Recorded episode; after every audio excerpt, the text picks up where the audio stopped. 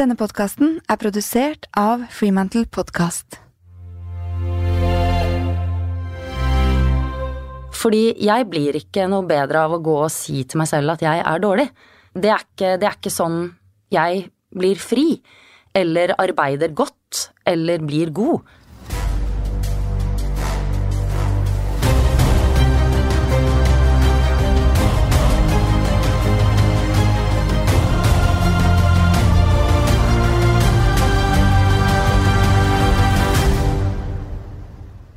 Jeg er mentaltrener Cecilie Ystenes Myhre, og i podkasten Grit skal jeg gi deg noe av hemmeligheten bak suksessen til ulike fremadstormende mennesker. Mennesker som har grit. Ane Dahl Torp er gjest i denne episoden av Grit. Ane er en kjent norsk skuespiller som har høstet veldig mange priser for sitt virke. Vi snakker flere Amanda-priser, Folkets filmpris, Blåfuglpris, Gullruten for beste kvinnelige skuespiller i heimebane, og nylig stakk hun også faktisk av med Sveriges svar på Oscar.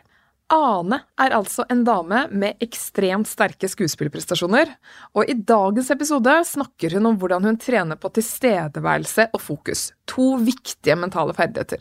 Hun snakker også om hvordan hun styrer eget spenningsnivå, og hvorfor tanker er så viktig. I tillegg får du vite hva hun lærte av selveste Wenche Foss. God lytt.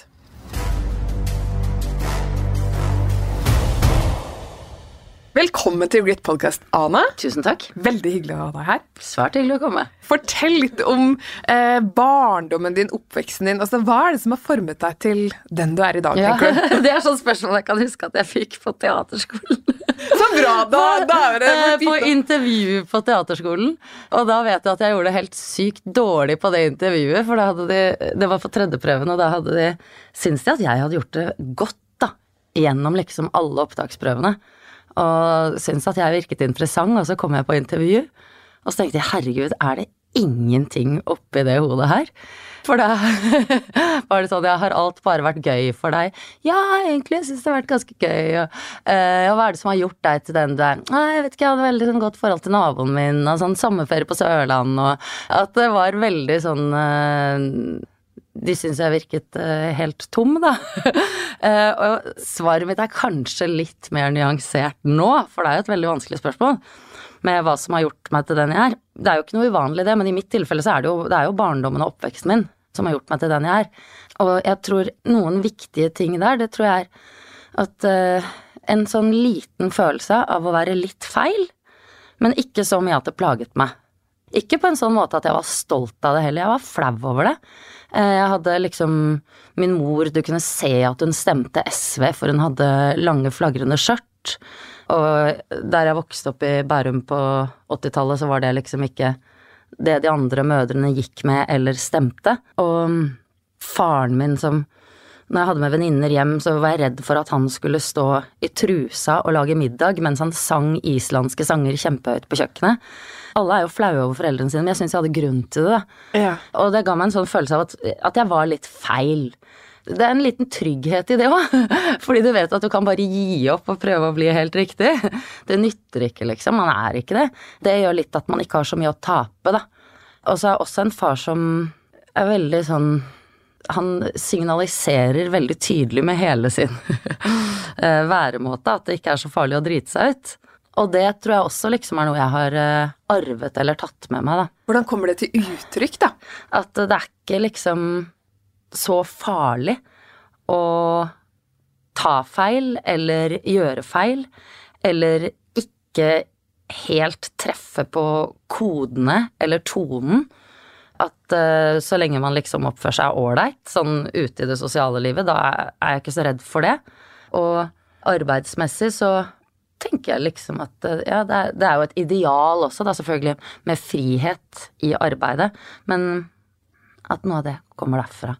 Så jeg hører jo at det er en del verdier du har tatt med deg fra oppveksten. Men, Og så endrer vi oss kanskje litt ut fra hva vi erfarer og hvilke opp- og nedturer vi får i livet og sånn. Men, men hvilke verdier er det du lever etter i dag? Både i profesjonelle sammenhenger, men også som kanskje mamma og, og privatperson?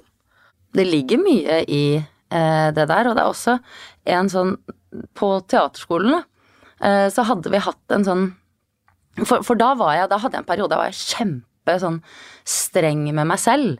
Ja, det var jo utrolig sånn Det var så hardt å gå på teaterskolen.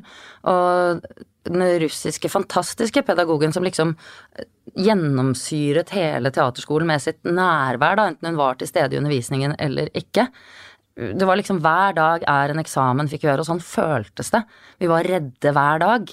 Eh, kjemperedde, og jeg var eh, tenkte liksom vi skulle være sau og sånn i starten. Jeg husker jeg var dårlig sau, jeg fikk ikke noe skryt for sauen min. Og da tenkte jeg hvordan skal jeg noensinne kunne spille eksempel Hedda Gabler når jeg ikke engang kan spille noe så enkelt som en sau. Eh, hvordan skal jeg kunne være noe komplekst da? Så jeg var veldig sånn full av liksom jeg, Kjempedårlig selvtillit. Og så ble jeg etter hvert også i løpet av andre klasse husker jeg at jeg også ble fylt av en sånn enorm selvforakt. da. Bare jeg hørte stemmen min hvis jeg sa noe i kantina, så ble jeg sånn eh, fylt av et sånt selvhat som gikk både på liksom at jeg var så dårlig skuespiller at jeg egentlig bare kjente vemmelse med hele meg, da. Mm. og så hadde vi hatt en rolleperiode med læreren vår Hans Henriksen, og så skulle vi ha sånn evaluering, da, sammen med han og med rektor. Sånn én og én. Og så sa han sånn, ja, hvordan vil du vurdere resultatet av ditt eget arbeid, Ane? Altså, hva mener du om Om, om jeg syns jeg var god, liksom? Er det det du spør om? Ja. Nei, det var jeg ikke. Det syns jeg ikke. Nei, hvorfor ikke det? Nei, altså, jeg kom vel ikke helt i mål, eller hva skal jeg si, dårlig, ræva. Og så sa han sånn, Anne, har ikke du lagt igjen noe av deg selv der ute på scenen hver eneste kveld? Jo, det har jeg sikkert gjort. Og da ble han sint. Og så sier han, hvis du har gjort det, da er det ikke din oppgave å si at du er dårlig, det kan andre gjøre. Og det, hvis man tar inn over seg det, det er veldig fristillende. Fordi jeg blir ikke noe bedre av å gå og si til meg selv at jeg er dårlig. Jeg trenger liksom ikke å ta ansvar for den biten. For det er jo litt det man tenker nå noen ganger man skal komme dem i forkjøpet og si sånn ah, 'jeg er dårlig, jeg er dårlig, jeg får det ikke til, jeg får det ikke til'. At man skal være først ute med å si det. Men det hjelper ikke meg. For en samtale var det akkurat som at polletten gikk ned i den samtalen om det her. Jeg hørte i hvert fall veldig tydelig den setningen, men man kan jo si at det er jo et livslangt arbeid da, og en daglig oppgave. Og det det jo resulterer i sånn helt konkret, er at jeg er ikke så veldig opptatt av å vurdere resultatet. Eh, det var det du spurte om. Ja. Av det jeg gjør. For eksempel når man filmer, så tar vi jo flere versjoner av den samme scenen. Og der merker jeg noen ganger at kolleger er veldig sånn nå funka den! Den var ikke så bra. Eh, ikke bra. Også etter forestillinger, liksom. Og på teatret så syns jeg ofte at det var så utrolig tungt at man kjempet liksom mot gårsdagens forestilling sånn uansett. Hvis den var bra, så var det sånn hvordan skal vi toppe den, eller hvis den var dårlig, så er det sånn nå må vi faen meg få den til i dag, for vi kan ikke gjøre det så ræva en gang til. Men hvis jeg sier at de andre kan si at det er dårlig, at det ikke er min oppgave, så slipper jeg det. Og så er mitt, min oppgave, det er å ikke gjøre det samme som i går. At hver gang skal være som første gang. Du har jo vært i bransjen lenge. Mm -hmm. Vil du si at du jobber med hobbyen din, og at hver dag er en glede, og at det, det koster for øvrig lite? Eller vil du si at det, jo, det er gøy, men fy søren, det er krevende, og det er, det er, beinhardt? Altså, Hvordan vil du beskrive bransjen og det å jobbe som skuespiller? Du, for du har høsta så innmari mange mm. priser òg, da. Jeg vil si at jeg jobber med hobbyen min, og at det er helt sånn frekt, liksom, å gjøre det. For det er jo utrolig få mennesker som kan gjøre det. Eh, at det de lever av, er det de syntes var gøy å leke når de var barn. Det er jo et kjempeprivilegium. Når det er sagt, så syns jeg at eh, teater synes jeg er veldig hard jobb. Eh, jeg syns det er hardt. Jeg, det er, jeg liker ikke å gå på jobb om kvelden. Det syns jeg er noe dritt. Det er da alt det hyggelige skal begynne. Liksom, og da skal jeg sånn Hoi, nei, da var det ute i novembermørket og kulda, da! Sånn. Det er ikke noe gøy. Jeg liker ikke det, men jeg liksom kommer på teater og liksom kommer i sminken og sånn, og vi kommer inn sånn. Eh, men noen ganger så kan jeg også være veldig redd, da, nervøs og sånn, så at jeg kan grue meg. Det er en del av jobben. Jeg tror Det er ikke alle som hadde syntes det var like gøy som meg. Så når jeg sier liksom eh, så mye positivt om den, så er det ikke sånn at alle mennesker hadde likt dette like godt som meg. Jeg tror mange heller kunne hatt en annen type jobb, da. Eh, som inneholdt noe annet enn denne. Men hva er det du elsker ved yrket? Jeg liker både forarbeidet, og jeg liker det som er når vi er på scenen eller på sett, da. Men i forarbeidet så syns jeg det kan være gøy noen ganger plutselig sånn og sånn, men hvorfor gjør hun det? Hvorfor er det sånn? Hvorfor, hvorfor blir hun sint eller ikke sint for dette? Så du vil si at det er vel så mye altså, prosessen som leder fram til det endelige resultatet, og alt liksom du kan deepdive i der, som gir deg de gode følelsene. Og, når filmen er på kino eller TV-serien ruller på NRK, så Da driter jeg den, Da for så vidt. Men det er jo også veldig gøy på opptak. Eller på scenen, for der kan man jo oppleve en sånn På scenen kan man jo oppleve en ganske sånn stor rus, rett og slett. Ja. Idet du blir liksom tatt, dratt av gårde av materialet, så kjenner du jo samtidig parallelt med det, det kan være veldig sånn vonde følelser, men parallelt med det så kjenner man jo også en stor mestring. Fordi jeg faktisk liksom dette her er det den scenen krever. Også at det er på lat. Altså, man blir liksom Det er en slags Ja, det en, kan være en veldig stor rus, og på scenen så å kjenne liksom at man har kontroll på et rom, da. Jeg har nok kjent det sterkest i en sånn forestilling der bare jeg og mannen min, Sjur Milleteig, som et solarisk korrigert, der vi to var alene på hovedscenen, og det bare var jeg som snakket, liksom. Og at kjenne at jeg på en måte Nesten som jeg kjenner at jeg kan styre hele det rommet, og at jeg ikke er redd for det. At jeg ikke er redd for å være der. Du bare eier det. Og, at Ja. jeg, ja, og det er en utrolig sånn heftig følelse. Men det er to ting jeg lurer på også når du snakker om dette her, Anne. Fordi det, det her krever sånn enorm tilstedeværelse. Den tilstedeværelsen, den, den evnen til å holde fokus her og nå, er det noe du har trent veldig på, og hvordan gjør du det? For det tenker jeg er, det er veldig sånn overførbart til veldig mange andre som jobber med andre ting. Det der, for det er så mange ting som kan ta fokus Masse. vekk. Masse. Det har jeg trent på. Det er jo det man trener på hver dag, egentlig, på ja, hvis man filmer eller spiller teater. Man t- trener på det også bitvis i prøveperioden, men der leter man jo også veldig mye. Man trener selvfølgelig på det på teaterskolen, der vi hadde fag som liksom noen kanskje syntes, og som jeg også nok syntes var ganske kjedelig, og som kunne gå for litt sånn å herregud, skal vi stå og føle på energien fra egget, liksom. Der har vi en øvelse, Ja. folkens. Ja. Men det er noe ved det at det er veldig sånn urtete, da. Men det er noe ved det som jeg også kan like. Ja, men føl nå på energien fra egget. Og vi hadde sånn avspenningsøvelser, liksom sånn å slappe av i kroppen. Avspenning. Sånne ting. Begynne der, da. Ja, litt. Og man ser jo noen ganger òg en tilgjengelighet i kroppen, da. Eh, At kroppen må være liksom åpen, og det høres litt sånn mystisk ut når man sier det, men jeg tror ikke det er så mystisk. Men hvis du har en liksom eksaltert scene, der er det jo alt annet enn avspent. Der er man jo ikke det. Men, og der kan jeg se noen ganger at kolleger kan begynne liksom for å komme opp i varv, da. Hvis du for eksempel plutselig skal ha høy, veldig høy rytme og du ikke har det, da kan man ta noen spensthopp eller pushups eller sånn bare for å hoi, eh, rykke seg selv litt opp. Eh, det liker jeg å gjøre da. Ja, Eh, slå seg selv i trynet litt. For det er det jeg lurer Kropp, litt på. Da. ja. Se at du står på scenen, og så er det noen eller noe som lager en skarp lyd Mm. Ja. Mm. fra, og så, og så ta fokuset dit. Og så tenker du nå må jeg raskt tilbake til kalle oppgaven Ja. min. Hvordan Men for det der Hvordan er gøy. gjør du det? Det er skikkelig, for det er så rart. For jeg syns selv at jeg har veldig dårlig simultankapasitet. Hvis, skal, hvis noen snakker til meg når jeg skriver tekstmelding, enten så kommer det ikke svar, eller så sier jeg det jeg skriver. Eller så skriver jeg det jeg sier. Og det er det noen mennesker som klarer mye bedre enn meg. Jeg er veldig dårlig på scenen. Så kan jeg få med meg så mange ting på en gang. Hvorfor kommer ikke den musikken? Der kom den, ja. Nå har jeg snakket langsomt ganske stund, nå skal jeg dra på. Så der er det en som har sovna. Eh, at jeg kan se alle de tingene og vite det og kjenne at jeg har kontroll på det, det er sikkert fordi jeg har liksom trent på det. Ja. Hvis det kommer plutselig en høy lyd Jeg har opplevd en gang at noen skrek i salen at jeg skrek på scenen. Fordi rollen min akkurat da var veldig sånn tynnhudet, så jeg ble så redd. For det man hører, og man skal høre.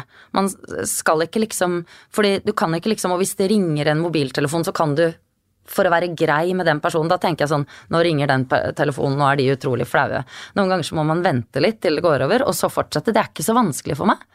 Eh, normalt sett. Hvis man ikke man blir sint. Hvis man blir sint, så er det vanskelig. Men Men hvorfor provoserer ikke sånne ting deg? Er, fortell litt om tankesettet ditt rundt det. Det er akkurat som du bare aksepterer at det er en del av gamet, i mangel på kanskje et bedre ord. Ja, men jeg prøver jo veldig å ikke bli, bli sint, da, og jeg prøver også fordi jeg har også sånn Det må ikke bli Fordi det er fort gjort også å bli paranoid når man står på scenen, om at man tenker sånn De hater meg. publikum hater meg. og det er helt forferdelig. Og da begynner du å hate dem tilbake, ikke sant. Eh, I hvert fall er det min spinalreaksjon. Greit, dere liker ikke meg, da liker ikke jeg dere heller. Og så leste jeg faktisk at Wenche Foss sa at 'jeg elsker publikum'. Og jeg bare what? Det er jo bøddelen din, liksom. Det er jo de, ok, hvis jeg har outsourca til andre og sier at øh, han er dårlig, så er jo det publikum som sitter der og sier det.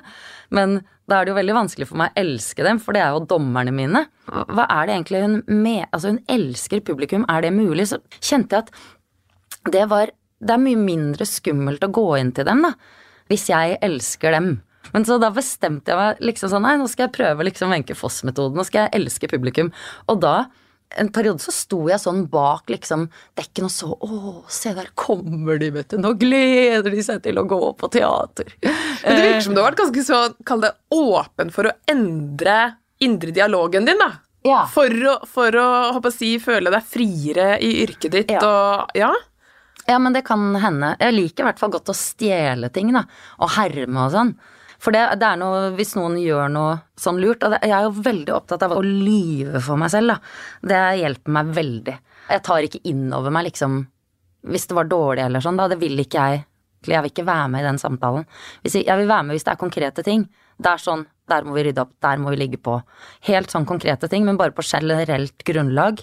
At eh, noe er dårlig. Det den praten liker jeg ikke hvis vi har en ferdig forestilling som vi spiller. Det vil jeg ikke kjenne etter. Men er Eh, det da grunnholdning? Det jeg ikke får gjort noe med? Det gidder jeg heller ikke å bruke energi på? Er det en Jeg sånn vet ikke, det er virkelig ikke min grunnholdning i livet ellers, for der bruker jeg så Det er så Det er bare uvesentligheter. Jeg vet liksom at hvis jeg får et sammenbrudd, så er det sånn på butikken mellom, i valget mellom Ola-lomper og Buer-lomper. Hvis de har samme utgangsdato, da er jeg liksom For det er sånn små valg er virkelig helt sånn håpløse for meg. Ja. Men i jobbsammenheng så er jeg nok litt klokere, da. Og det vet jeg da, fordi at jeg igjen, jeg har lest litt research på deg, vet du. Og det er en ting du også har sagt som jeg syns var spennende. Og du, du sier her Det er så mange tidsåndssykdommer. Ja. Alle snakker om at de er så stressa og jobber for mye. Jeg er ikke så sikker på at folk må jobbe mindre, eller at det er jobben som stresser dem. Problemet er at man forventer en smertefrihet i tilværelsen. Folk tror at det er noe galt med dem hvis ikke har det bra, men det er livet. Ja, mm. Fortell mer om det, Ane. Ja, hva skal jeg si om det, da? Det var klokt sagt. Ja, da tenkte jeg sånn, jeg er enig i det der. Sekstimersdagen, nå har jeg hørt at den skal funke, da. Nei, men denne ikke. smertefriheten, Men- da. Det høres ut som du liksom du, du går litt inn pragmatisk inn i livet, da. Høres Ja, men jeg er da. litt grann kald. Jeg er litt kald. Noen ganger sånn i tiden så føler jeg at følelser har et veldig sånn stort fokus. Og når følelser trumfer tanke, liksom, da kan man begynne å gjøre ting som er alvorlig galt. Eh, man må liksom vite at det er rett, sånn med hodet. Eh, det må liksom være Tanken må være dronninga, da. Eh, og noen ganger så har jeg tenkt, når folk snakker om seg selv, da. Eller jeg har hørt også på podkaster så har jeg hørt sånn, ja, men hva gjør du når du er i en krise? Og så snakker de om hva de gjør hver gang de er i en krise, og så tenker jeg sånn, herregud, jeg er 46 år, har jeg hatt en krise? Og jeg vet at jeg har vært heldig. Jeg har ikke hatt noe jeg vil kalle en krise, men det har ikke alle andre heller. På min alder. Noen ganger så tenker jeg at man kaller det for lett en krise. Man kaller det for lett, liksom, at man fokuserer for mye på det man føler, da. Eller at man går for opp i det. Eller at man tror liksom Ja, at hvis man har vondt i følelsene, at det er farlig for en, eller at det er skadelig. Det kan absolutt være det, men det er sånn vanskelig område å egentlig snakke om. Da nå var jeg ganske sånn hard der, men landa kanskje på beina fordi jeg hadde en grei formulering. Men eh, det er noe ved det som jeg er veldig enig med meg selv i. Altså, jeg, men, jeg mener mye av det, men, men det er komplekst. Jeg tenker mye på det. Følelser er så tunge, da. Og de vektlegges så hardt. Eh, men vi må liksom tåle våre egne følelser og tenke at det ikke er farlig. Nødvendigvis. Og også tåle andres, da. At ikke vi lar alt det gå til fagfolk.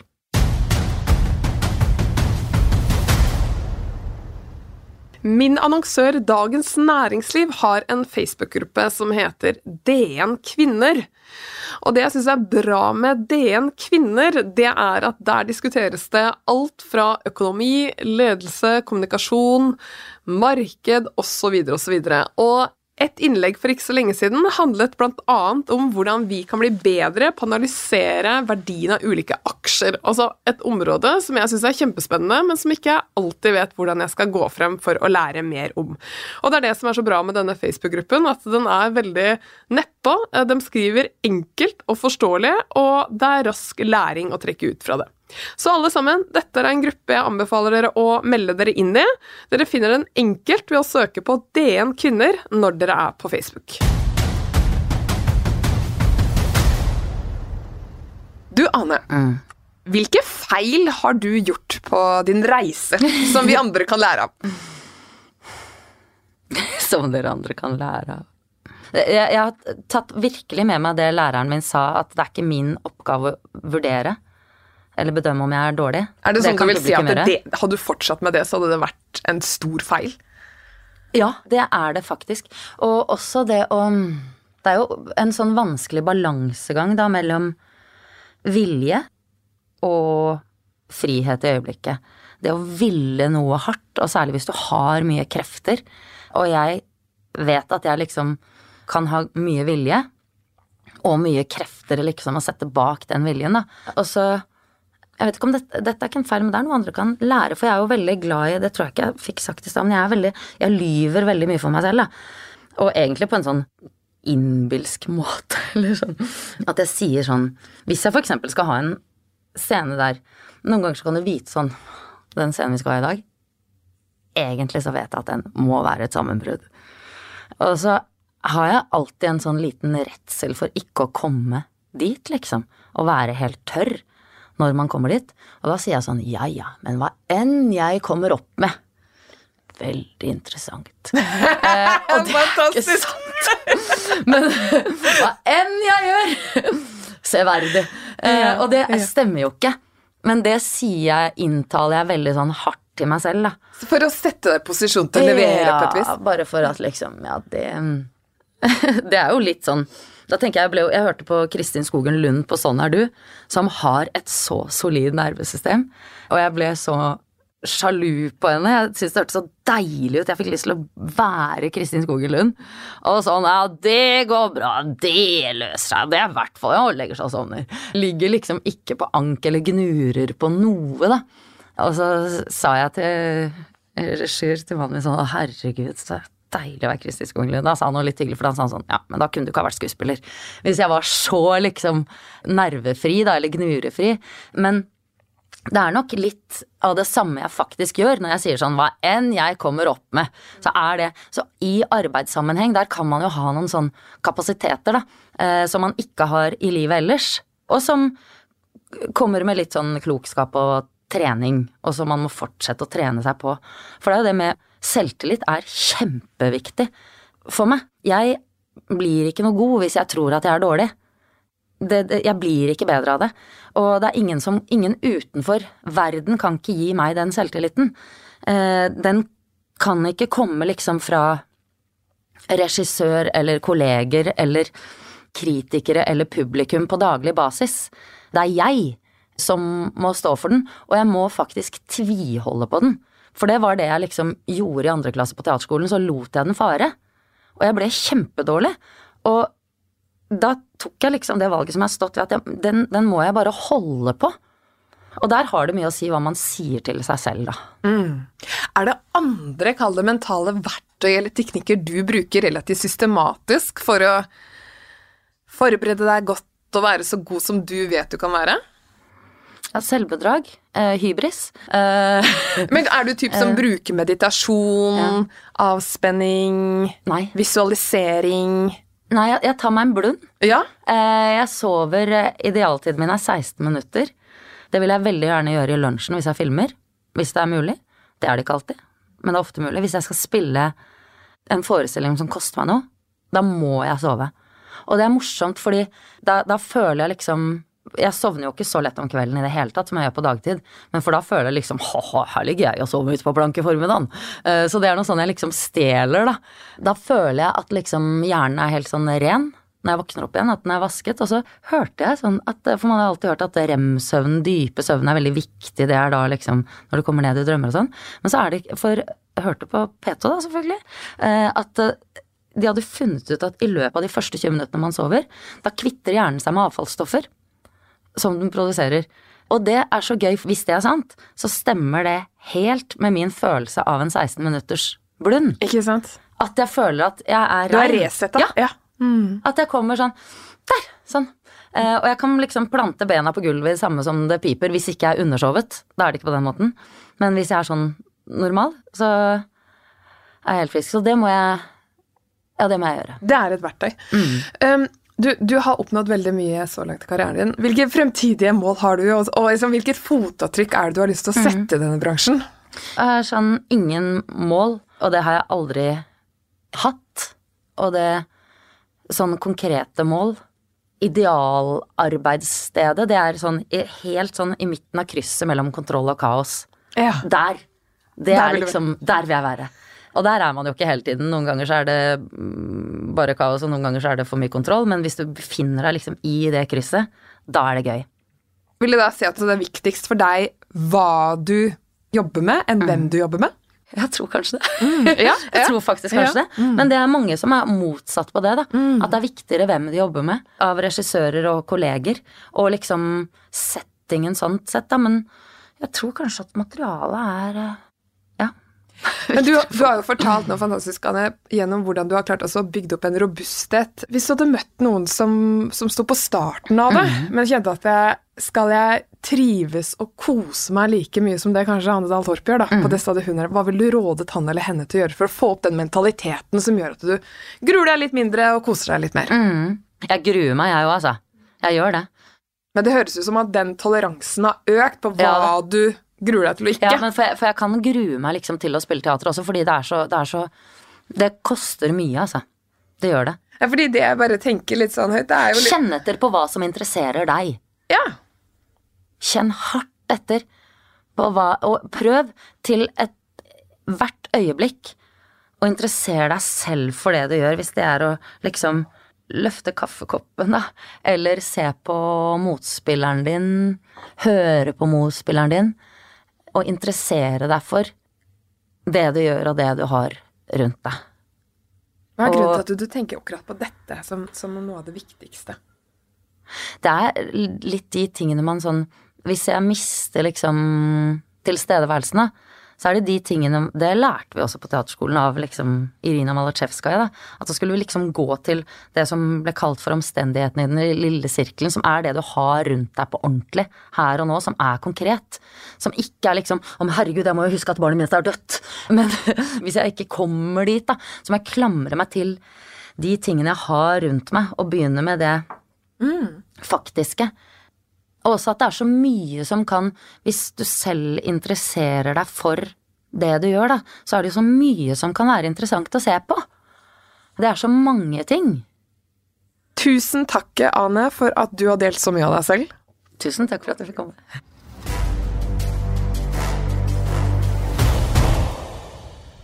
Jeg syns det er kjempespennende hvordan Ane jobber med både tilstedeværelse og mentalitet i en bransje som krever mye.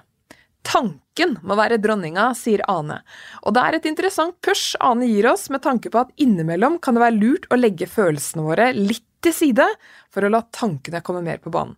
Kanskje gjelder dette deg også. Og så er det heller ikke dumt at Ane tar litt tilbake makten i våre nære relasjoner. Kanskje er det faktisk slik at det er de som kjenner oss best, som innimellom bør få veie tyngst når rådene skal komme. Så hvorfor ikke ta følgende øvelse denne uka, kjære lytter? Spør en god venn eller familiemedlem om hvordan han eller hun opplever deg om dagen. Hva er bra, og hva kan du kanskje gjøre mer eller mindre av? Det å få de innspillene av de som bare vil deg godt, kan gjøre deg både tryggere og bedre i hverdagen din.